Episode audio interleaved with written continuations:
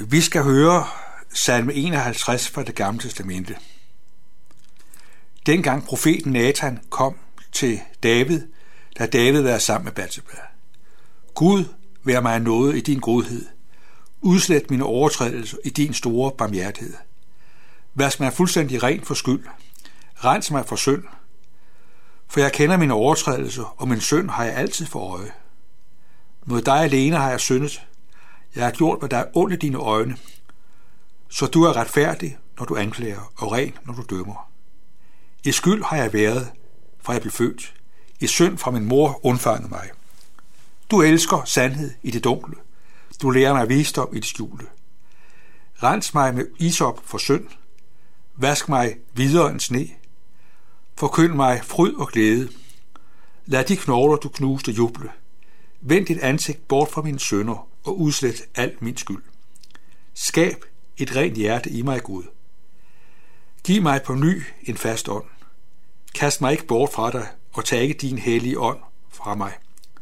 Lad mig atter frydes over din frelse. Styrk mig med en villig ånd. Jeg vil lære lovbryder dine veje, så syndere kan vende om til dig. Fri mig fra blodskyld, Gud, min frelses Gud, så min tunge kan juble over din retfærdighed. Herre, åbn mine læber, så min mund kan forkynde din pris. For du vil ikke have slagtoffer, og bringer brændoffer, tager du ikke imod det. Mit offer, Gud, er en sønderbrudt ånd. Et sønderbrudt og sønderknust hjerte afviser du ikke, Gud. Gør de noget godt mod Sion. Opbyg Jerusalems mure.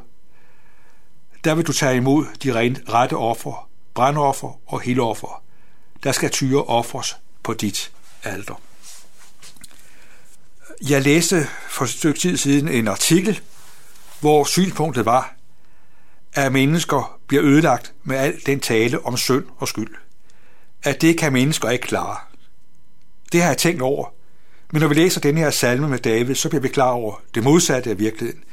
At et menneske, vi kan ikke overleve uden Guds tilgivelse og Guds nåde. Det er modsat. Det var det, som øh, øh, kong David erfarede. David var et menneske, som virkelig havde stor betydning. Han havde stor indflydelse. Han var dygtig.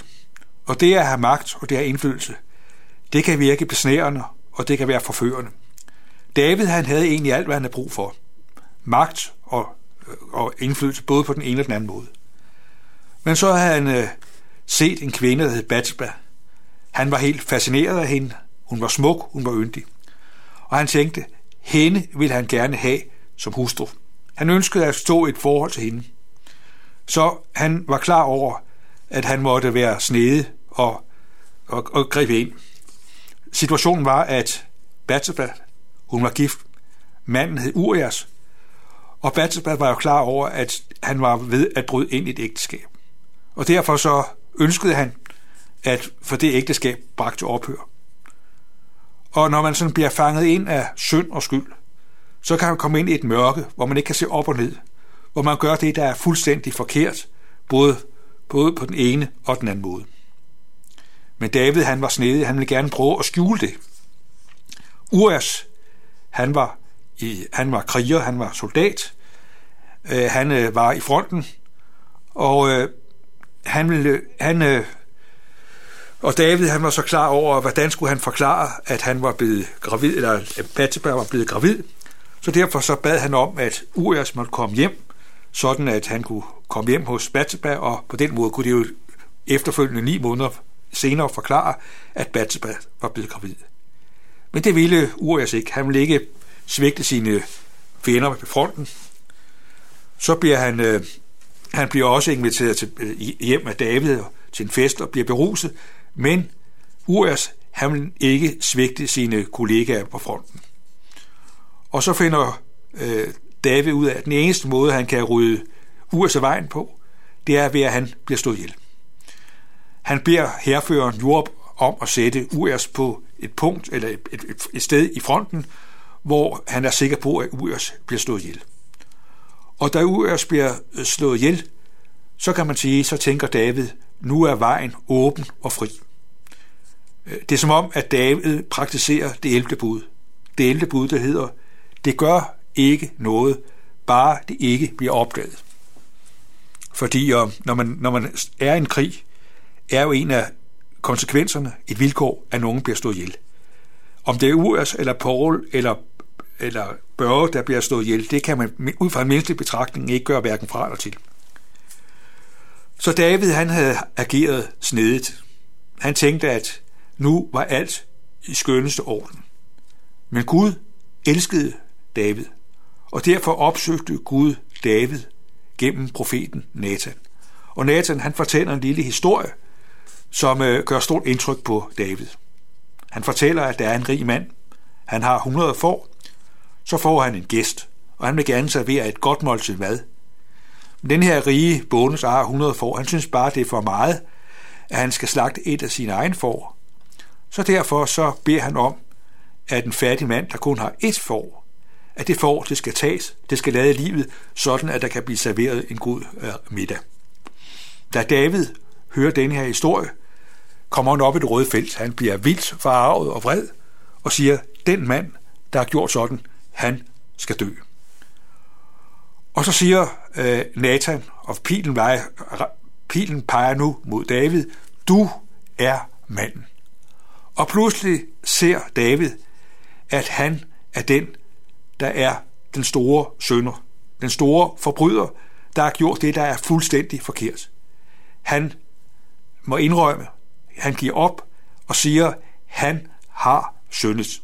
Han ser nu sig selv som gennemlyst, en som har gjort noget, som er fuldstændig ved siden af. Man kunne godt have forventet, at David havde sagt, at han havde gjort noget forkert over for Batseba eller Urias. Men han siger, mod dig har jeg syndet, gjort, hvad der er ondt i dine øjne. At David ser nu, at alt det, han har gjort, det har han ikke bare gjort over for nogle mennesker, men han har gjort det over for Gud. David ser nu, at synden er dybt rodfæstet i hans liv. I skyld har jeg været, fra jeg blev født. I synd fra min mor undfang mig. Det er jo den uhyggelige virkelighed, at David er fanget ind i syndens virkelighed. Og det er jo også vores problem, at vi kan ikke rive os ud af syndens magt. Man kan godt tage en, en snavset skjorte få den vasket i en vaskemaskine, og så ser skjorten ren ud igen. Man kan ikke øh, trykke på et program og få skylden ud af ens liv. Det følger os. Det, som alene er afgørende, det er, at Gud vil se noget og sin tilgivelse griber ind og renser os totalt. David han taler om at blive videre end sne. Vi har haft en lang og, og streng vinter, øh, og den tænker vi tilbage på. Men vi har, vi har også oplevet, at når sneen dækker landskabet, så fylder den alt. Man kan ikke se andet end bare hvid sne, når sneen lige er faldet. Sneen dækker hele overfladen.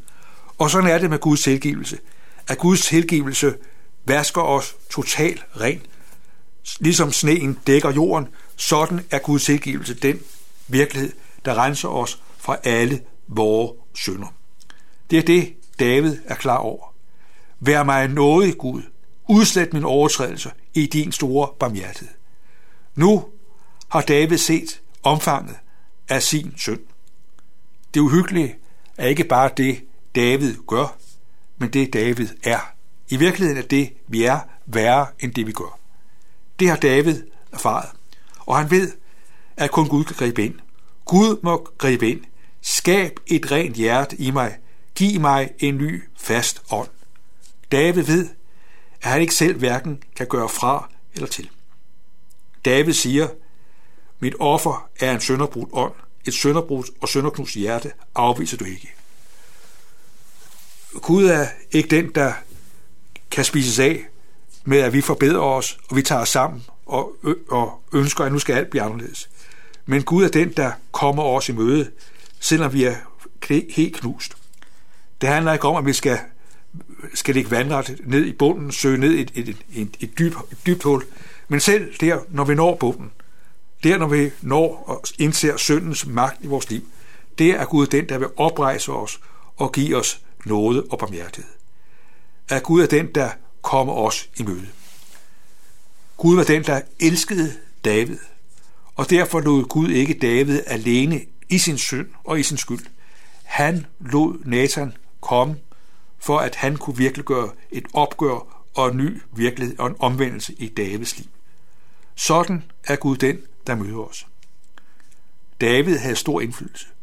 David blev taget til nåde. Han blev oprejst. Han blev ikke forkastet.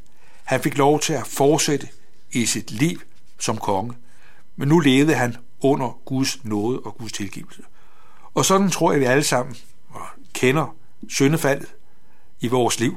Vi har alle vores syndefald, hvor vi gjorde noget, der var helt forkert. Hvor vi var skyldige over for Gud. Hvor Gud i sin nåde kom os i møde. Sådan er Gud den, der stanser os, fordi han ikke vil, at synden skal få herredømme i vores liv. Gud er den, der viser os omfanget af vores synd og skyld. Ikke for, at vi skal knuses og jordes, men for, at vi skal oprejses igennem Guds nåde og Guds barmhjertighed. Derfor taler David også om, at, at Gud igen må lade ham frydes over frelsen. Lad mig er der frydes over din frelse. Gud er den, der til stadighed lader sin frelse for nyt perspektiv i vores liv. Og det sker ved, at vi ser syndens radikalitet i vores liv. At der er Gud den, der retter blikket væk fra os og mod sig selv. Mod Jesus. Han, som kom og bar alle vores synder. Led straffen for os, for at vi skal have Guds fred og Guds evige nåde. Der må Gud indimellem gribe hårdt ind i vores liv. På et tidspunkt, der taler Luther om, at jeg er værst, når jeg er bedst, og når jeg er bedst, og når jeg er bedst, er jeg værst.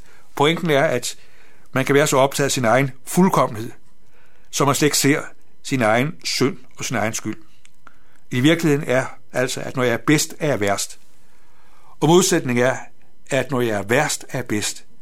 Når jeg ser min egen skyld, og ser mig selv, når jeg er værst, der er jeg bedst, for der ser jeg Guds ubegribelige, ubegribelige nåde og barmhjertighed som det, der oprejser og giver evigt liv.